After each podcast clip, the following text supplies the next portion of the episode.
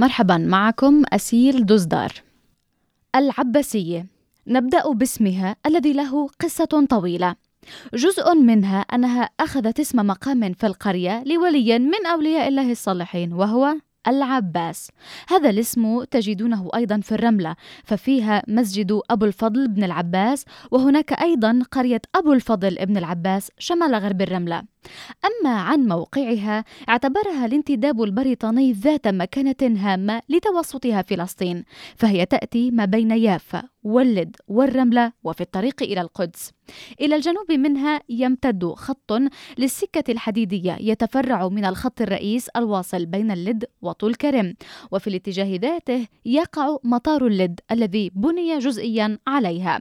فبلدة العباسية تقع على بعد 13 كيلومترا شرق مدينة يافا.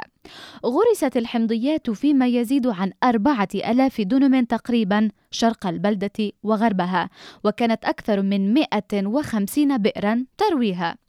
غير الزراعة عمل أهل العباسية في صنع الحصير من أوراق البرد التي كانوا يأتون بها من مستنقعات بحيرة الحولة وكانت وارداتهم من ذلك مربحة. واهتموا أيضا بتربية الأبقار الهولندية. في كل يوم سبت كانت تقام هناك سوق تجارية يأمها الكثيرون من سكان القرى المجاورة وتباع وتشترى فيها المحصولات والمنسوجات والحيوانات. قدر عدد سكانها وستمائة وخمسين نسمة في عام 1945 وبعد ذلك بثلاث سنوات انتكب أهلها وأقيمت على أنقاضها مستعمرات منها بيت شموئيل.